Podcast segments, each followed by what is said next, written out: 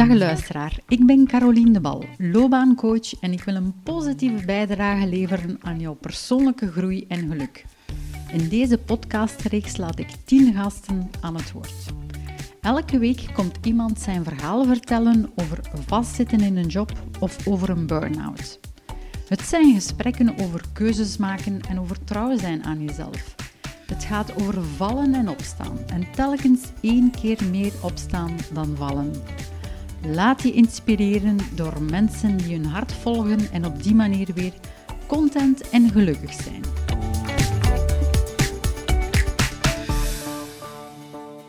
Goedemorgen Jannik, ik ben heel blij dat je hier bent. Goedemorgen. We hebben elkaar een, toch wel een tijdje geleden gezien en ik ben heel blij om te lezen dat jij finalist bent voor de Radio 2 Humorklas 2020. Yes. Vertel eens, want er is er een heel proces aan vooraf gegaan. Ja, ehm, ik ben nu ondertussen al drie jaar super intens bezig met stand-up comedy. Ehm, en twee jaar ervoor, maar de twee jaar ervoor um, werkte ik nog in leef, leefgroep. Ik ben opvoeder ook, Ja. eh, begeleider, in een, in een, eh, nu in een dagcentrum, maar daarvoor eigenlijk in heel de constructie van leefgroepen in VZW Hubby. En dat heb ik eh, negen jaar gedaan. En ehm, ja, ik wou dan comedy doen en dan ben ik comedy beginnen doen. Maar als je leefgroepen doet en ze zeggen, wil jij het s'avonds komen spelen en je hebt een late, ja, Dan, dan wordt dat moeilijk. kun je niet. Ja. Of dan moeten op team gaan vragen of dat je volgende week misschien die een dienst kunt wisselen. En als je dan zegt, ja, ik kan die avond comedy doen, zeggen ze, ja, maar ja, we hebben al lang iemand anders gevonden, want we moesten dat snel weten. Dus bij mij was het was zo'n alarmbel van, ja, eh, er moet iets veranderen of zo. Ik moet eh, stappen ondernemen om toch wat meer voor mijn droom te kunnen gaan. En, dan, en hoe heb je eh, dat dan concreet gedaan? ik heb mijn eh, fulltime contract afgezegd, eh, opgezegd. Zonder dat je iets anders had? Eh, ik, ben, ik heb dan eigenlijk ehm, in een halftijds contract in het activiteitencentrum van VZ Hubby eh, gaan werken. Ehm, ja, een fulltime contract of een halftijds, dat is anders natuurlijk, maar ik dacht, ja, dan werk ik niet meer de wisselende shiften, maar dan werk ik van 9 to 5, hoe dat ze dat dan zeggen, en dan kun je daarna s'avonds zoveel naar optredens gaan dat je wilt. Dus dat heb ik wel gedaan. En ondertussen zijn er wat procenten bij mijn contract bijgekomen, gelukkig, Ja. in deze periode. Maar eh, ja, dat zijn de stappen dat ik ondernomen heb. Hè. Mijn rijbewijs gehaald, om niet altijd hè, in de eerste helft van een comedyavond te moeten staan en dan naar huis te moeten. ja. Dus ik heb mijn rijbewijs dan gehaald op eh 33-jarige leeftijd. Yes. Bravo. Yes. Dus dat, is, dat, dat, is, dat, is, dat zijn stappen dat je dan onderneemt, waardoor dat je dan ja, toch voor je droom kunt gaan. Hè. En als je nu terugkijkt naar die periode, wat is voor jou het moeilijkste geweest? Het moeilijkste is voor mij... Het moeilijkste, dat is een moeilijke vraag. Hè. Ik denk, eh, het, het moeilijkste is om over mijn schrik te geraken ervoor om de eerste keer op het podium te gaan, te gaan staan. Met comedy. Omdat ik daarvoor, ja, heb ik theaterschool gedaan. Ik heb heel veel theatervoorstellingen gedaan en afstudeerprojecten van Maastricht en zo heb ik heel veel theater gedaan, echt veel. Maar het was ehm, altijd maar dat uitstelgedrag. Ik wist al vanaf mijn 16 jaar, 15 jaar dat ik na Eddie Murphy en Bill Hicks te zien en nog andere comedians dat ik iets had van, ja, dat, wil ik, dat wil ik ook, dat is wat ik wil, alleen op het podium. Kijk allemaal naar mij, voed mijn ego, dat zoietsje. En dan was dat moeilijk om, om zo kwetsbaar met humor, met stand-up comedy, want in theater deed ik ook grappige en funny dingen, maar om zo op het podium te staan. En dat was het moeilijkste om die stap te nemen, want elke kerst was ik tegen mijn vader bezig. Ja, maar ik wil comedy doen. En ik wil comedy doen, ik ga stand-up comedy doen, want had je die show gezien of de dienen? Mijn pa zei, ja, maar dat is al vier jaar of langer dat je elke kerst erover bezig bent en dat je dat gaat doen. En volgend jaar ga ik het doen. En dan zei hij van, je doet theater, je bent met muziek bezig, je bent teksten ontschrijven, je bent onttekenen, je bent ontschilderen, je wilt iets met cabaret en muziek. En dan zei hij, een wielrenner die een professionele wedstrijd moet wielrennen, gaat een dag ervoor ook niet gewoon voetballen of gewoon zwemmen of nog een marathon gaan lopen. Dus je moet wat minderen met dingen en je focussen op één ding. En die zei van, we gaan ermee stoppen om er altijd maar over te beginnen. En die zegt, we babbelen er terug over als je het gedaan hebt. Dus uw vader is zeker iemand geweest die u geïnspireerd heeft om Ja. te zeggen van, oké, Ja, vier maanden daarna stond ik voor de eerste keer op het podium. wauw. Want ik was dat beu om dat ook uit te stellen. Ja, En dat is het ding. Mensen stellen heel veel uit, omdat dat veiliger is dan aan iets te beginnen dat moeite gaat doen, of waardoor dat je in je blote kunt staan of kunt falen. En dat is heel belangrijk dat je dan doet. Of dat je je doelen opschrijft. Dat is heel belangrijk, want mensen hebben een droom. Hè? En een Ja. droom is perfect ingevuld en dat is mooi en dat is allemaal heel succesvol. Maar een droom wordt pas werkelijkheid dat je dat op een papiertje schrijft van wat is je droom? En dan kun je je droom onderverdelen in kleine doelen. ja, Tak, tak, tak, al die kleine doelen opschrijven. En als je daar één ding van doet, dan ze vertrokken om je een berg te beklimmen. Maar dan zijn ze bezig, snap je? Want dus vanuit baby steps. ze hebben nooit oudere mensen ja, bevraagd op een sterfbed van wat is spijt. En die zeiden, ik heb spijt dat ik zoveel dingen niet heb gedaan. Of, of voor wat de andere mensen ervan zouden denken Ja. of zouden zeggen. En ik denk dat je daarover moet geraken. Als je iets wilt doen, denk ik echt dat je ervoor moet durven gaan. En ik denk echt dat vanaf dat je iets op papier zet, dat dat concreet wordt. En dat je dat dan doet. Ik zie dat je hier zelf een boek mee hebt, een handschrift eigenlijk, met waarschijnlijk heel veel doelen ook dat je opgeschreven hebt. Ja. En naast uw vader zijn er nog andere mensen die u geïnspireerd hebben? Ja, ik had... In het begin was wa- de, Roel, Roel Gooyes was, eh, is ook een regisseur die met comedians werkt. En ooit in de Merlot hier in Brussel zat ik er mee op café en die hoorde mij bezig en die vond mij grappig en zei, ja, jij moet stand-up comedy doen. En ik zei, ja, maar dat wil ik graag doen. En ik had dat dan nog niet gedaan. En dan heeft hij mij zo wel wat backstage en er wat dingen meegepakt mij wat zo aan de wereld laten zien. Daar heb ik ook zo met hem eerst wat geoefend. Dat is dat wat uitgedoofd en dan ben ik dat zelf verder beginnen doen. Maar daar was ook wel wat een eerste aanzet. En Iwijn Segers ook heel hard. Die zat soms ook vroeger eh, op café in Brussel. En dat was een comedian waar ik wel heel hard naar opkijk. En iets had van, ja, dat is gewoon een van de grappigste mensen in België, volgens mij. Omdat ik zoiets heb van, die man is gewoon super funny. En wat dat die, hoe dat hij zijn eigen stem in de comedywereld heeft, of hoe dat hij dat doet, heb ik iets van, ja, maar die trekt hem ook van iets aan. En dat zijn wel zo mensen die mij geïnspireerd hebben om dat te doen. En Thomas Smit, Xander de Rijken zijn zo comedians. Als ik er van België naar kijk, dat ik zoiets had van Nigel Williams. Zo van, ja, oké. Oh, ja, je kunt het doen. Snapte? Zeker van de eerste stappen zetten. Of Xander de Rijken, als die als jong manneke zo aan het babbelen was, dacht ik, ja, maar als die dat durft, moet ik dat ook durven. Snapte? Ja.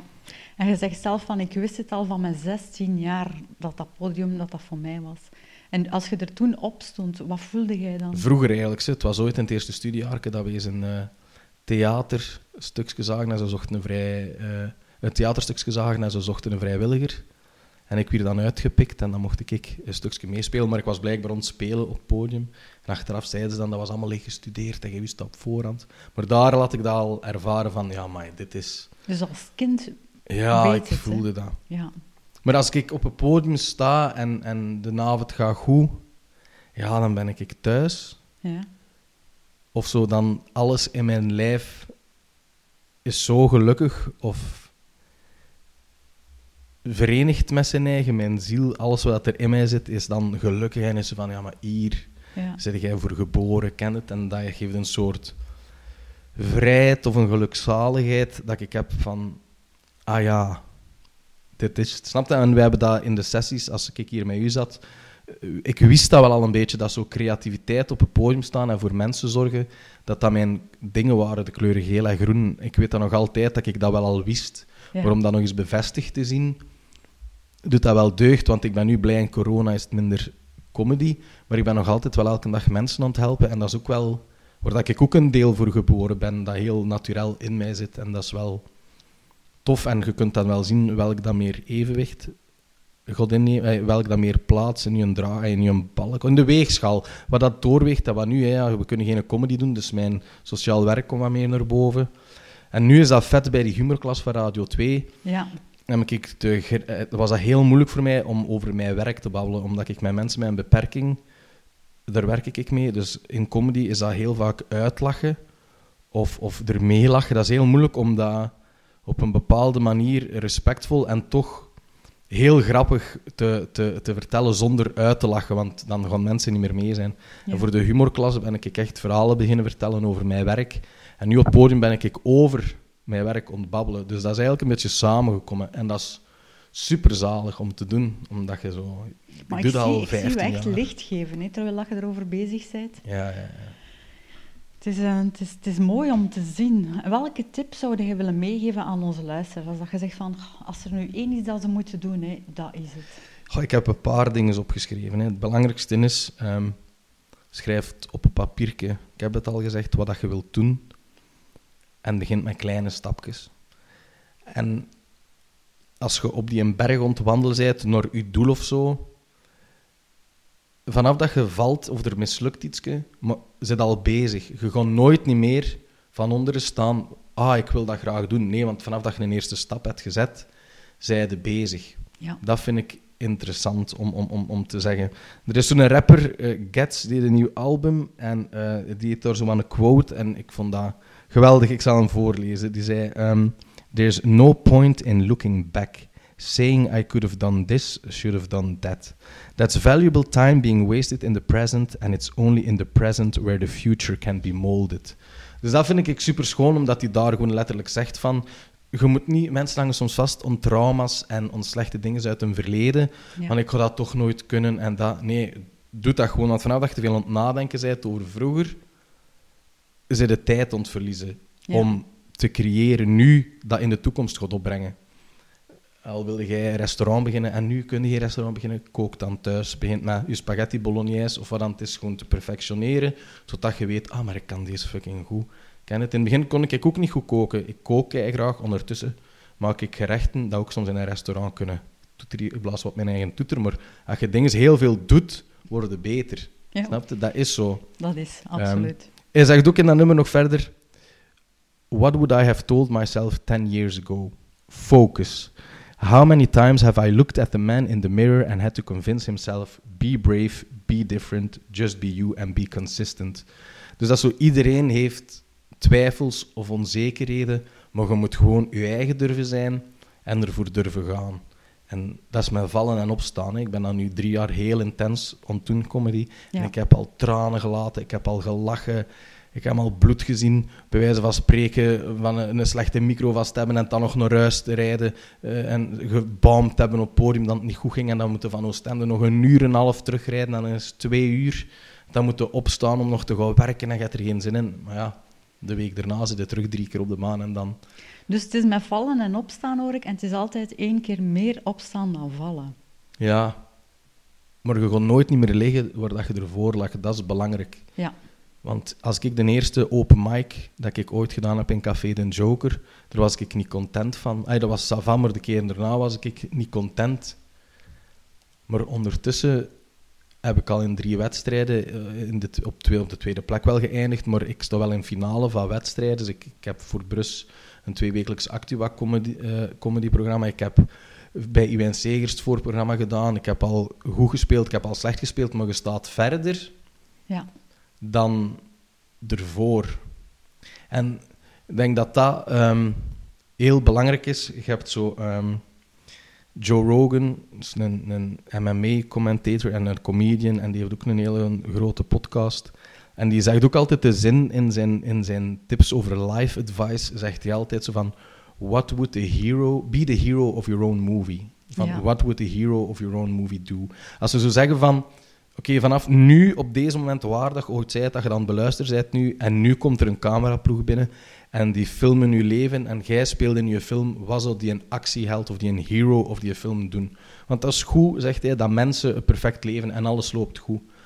Maar hij zegt, het is veel interessanter om te zien dat iemand bezig is en er een puinhoop van maakt en te veel drinkt en allemaal problemen heeft. Maar hoe komt hij terug? Wat is his comeback story? Van hoe zou jij... Ah ja, oké. Ik begin met gewoon al mijn bed op te maken, 's morgens. Ik begin al gewoon om de afwas te doen. Ik begin al gewoon met, oké, ik moet mij hier herpakken, weet je. wat structuur in uw leven Ja, brengen. structuur in je leven. En ehm, ehm, oké, mijn hero wil altijd vroeger opstaan om te schrijven. Oké, Ja. ja. ik heb mijn alarm gezet en ik heb alles wat dat tegen mij zei. Nee, blijf liggen, het is zo goed om te blijven slapen. Nee, sta vroeger op en schrijft. En dan ga je naar je werk. Al is het met sport, oké, dat je wilt sporten, sta vroeger op, ga gaan lopen. Dat, maar het is... En jij doet dat nu, vroeger opstaan om te schrijven. En Ja, wat, en wat doet dat wel. met u? Ja, ik voel me keigoed. hè. Omdat dat een doel was van mij. Ja. Onder andere een van de doelen. Ik heb er soms veel te veel. ja. Maar je bent, pro- ja, focus. focus, hè. je bent productief bezig aan je droom en wat moet je doen voor stand-up comedy. En toen, al de uitkomsten dat je eigenlijk met de formules schrijft. En dan moet je schrijven. En dan lukt dat niet, of wel. Maar je zit aan het schrijven, je zit aan het doen. Want je hebt ook een hele goeie boek. Dat is ehm eh, The Art of War, maar The War of Art omgekeerd. Is dat gaat eigenlijk over het feit dat creatieve mensen soms heel veel uitstelgedrag hebben. Omdat ze soms onzeker of perfectionistisch zijn. Of... Maar als je gewoon begint te doen, Ja. het is gewoon neerzetten en doen. En ik zei dat tegen mijn vriendin ook. Ik had dat vroeger ook. Dan denk ik, maar volgende, ik heb mijn nieuwe boekjes gekocht. Ik heb een nieuwe pen. En volgende week ga ik elke avond een uur en een half schrijven. Hè. En dat lukt dat totaal niet. Ja. En dan stelde dat uit omdat de perfecte omstandigheden er niet zijn. Maar ik zeg, als je tijdens je lunchpauze al 10 minuten schrijft, en je schrijft dus ergens anders in de week 15 minuten, en daar schrijf je nog eens 5 minuten, en dan in het weekend heb je een uur kunnen werken. Als je dat optelt, heb je Ja. soms een uur en een half dat je al aan je project hebt gewerkt, en dat is al veel meer dan dat je drie weken hebt liggen uitstellen en te wachten, eh, je wachten bent op een ideale moment. Dus dan zit je bezig. Snap je? En het is niet gemakkelijk, hè, want leven met corona nu en alles, we hebben zoveel hurdles dat we moeten overkomen en obstakels waar dat je moet overspringen en doen. Maar het belangrijkste is, en, en daar kom ik eigenlijk bij een andere quote van Conor McGregor, vroeger een loodgieter of een, een, een, schrijnwerker, nu een van de top UFC cagefight sterren, eh, sportman, meest bekend, miljonair in de wereld. En die zei, doubt is only removed by action. If you're not working, then that's where doubt comes in. ja, dat is een Want hele ik, mooie. ja, als ik nu schrijf en ik ben aan het werken, is dat veel beter dan dat ik dat niet doe. En wel op mijn sociale media zit en kijk naar iedereen. En kijk eens hoe goed dat andere mensen dat hebben. En amai, dat en dat en dat. Hmm. En dan wordt onzeker. En dan twijfelde. Want ja, je hebt al zo lang niet geschreven of iets gedaan. Maar nee, nee, zet alles af. Al is het vijf minuten, tien minuten. En doe wat dat je moet doen. Ja. Dus je werkt aan je doel. En dat is niet simpel, hè. Ja. Nee, nee, absoluut niet. En waar kunnen mensen eigenlijk je werken vinden? Ik ben nu aan het werken aan een website. Ik heb nu wel een YouTube-kanaal waar dat, eh, mijn podcasts op staan. En je vindt online ook heel veel dingen voor Brus FM dat ik gedaan heb eh, rond Actua Comedy. Maar ehm, ik ben nu, dat was een doel van mij, om materiaal te selecteren en ook wat online te beginnen zwieren. Want dat je dingen online zwiert, ja, dan stel je wat kwetsbaar op. Maar ehm, ik ik heb een fanpagina op Facebook, daar kunnen mensen mij eh, vinden. Je kunt mij vinden op Instagram, Jannik Joos, op Twitter kunnen mij vinden. Ja, Dus daar, op de sociale media kanalen kunnen mij vinden. super. Daar. Is er nog een En bepaalde... de podcast van Nigel Williams en mij noemt Van A tot B. Van A tot B. Ja, van Antwerpen tot Brussel. Ah, mooi. Ja, Ja, en die, die staat ook al live. die, die staat online, dat kun je op Spotify. Ja. Er moet wel wat goed zoeken op Spotify, op Nigel zijn eh, eh, YouTube-kanaal, op mijn kanaal. Op ons kanalen delen wij dat eigenlijk. Ja. En er is op de Instagram-pagina van A tot B, kunnen alle afleveringen ook zien. Is er nog iets dat je zegt van dit is heel belangrijk voor de luisteraars? Dat ze dit nog weten. Ik denk wat belangrijk is, is ehm, zeker als het aankomt op dromen hè, en ehm, dingen willen verwezenlijken, is, en dat is moeilijk voor iedereen en dat staat ook los van dromen, maar ik denk, zij soms wel liever voor jezelf. Hmm. Want ik heb een hele grote, kwaaie, perfectionistische criticus, die soms heel, heel hard voor mezelf kan zijn. En ik weet niet dat dat in mijn jeugd er is ingegroeid of niet. Maar met dat ik nu eh, ouder aan het worden ben en, en papa ga worden en mijn ouders ouders die worden en alles is van...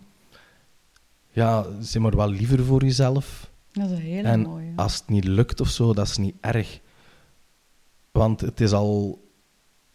Dat doe ik soms 's morgens ook. En dat is een hele moeilijke oefening. Maar dat is als ik wakker word, probeer ik eerst drie dingen op te sommen waar dat ik gelukkig over ben.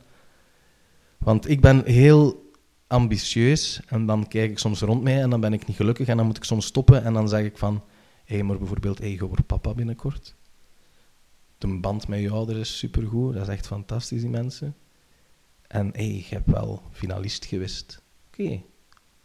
En het leven raast maar voorbij. En misschien moet ik daarmee afsluiten. Het is, het is, dat is soms het, het, het, het, het, um, het vraagstuk. Ze hebben, zo, uh, ze hebben twee heel bekende um, twee sterfverhalen, sterfbedverhalen. En er was zo, ik weet niet welke zanger, er was een zanger en die had op zijn sterfbed dat ze gevraagd van, en hoe was het nu? En die had gezegd, ah, dat is perfect.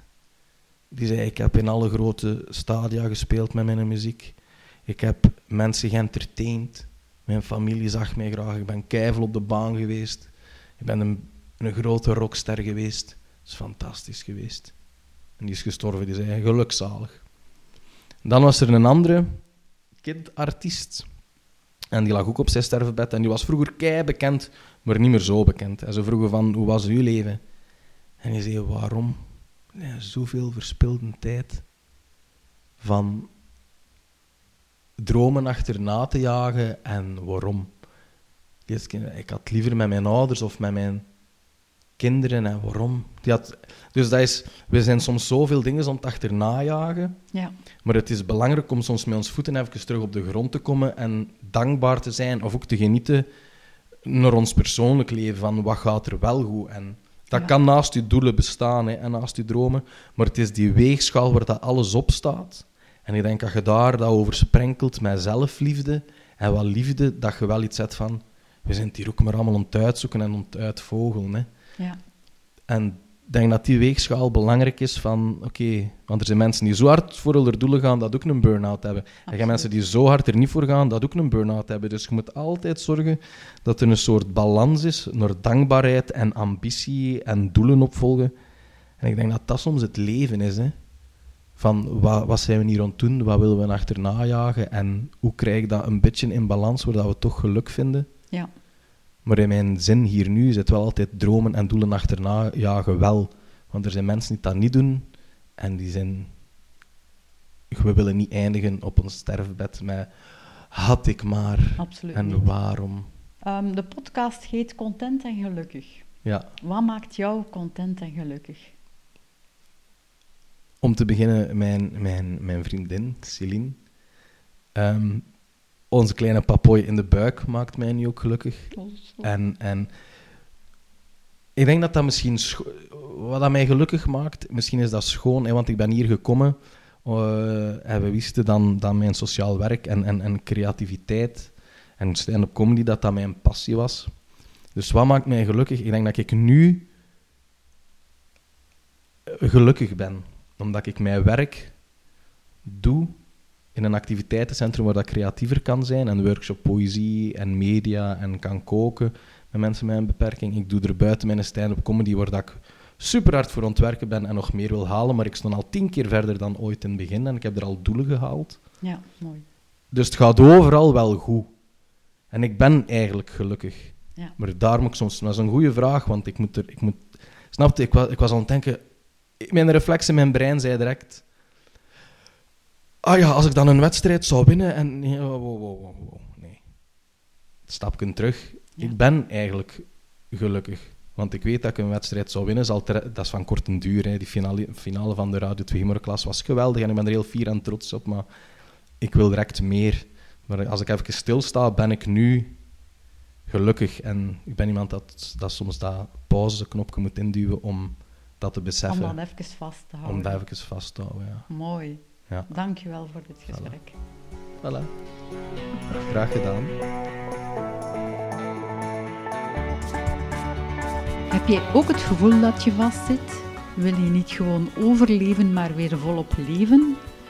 Zet dan vandaag die eerste stap en contacteer me via LinkedIn, Instagram of via de website damaicoaching.be.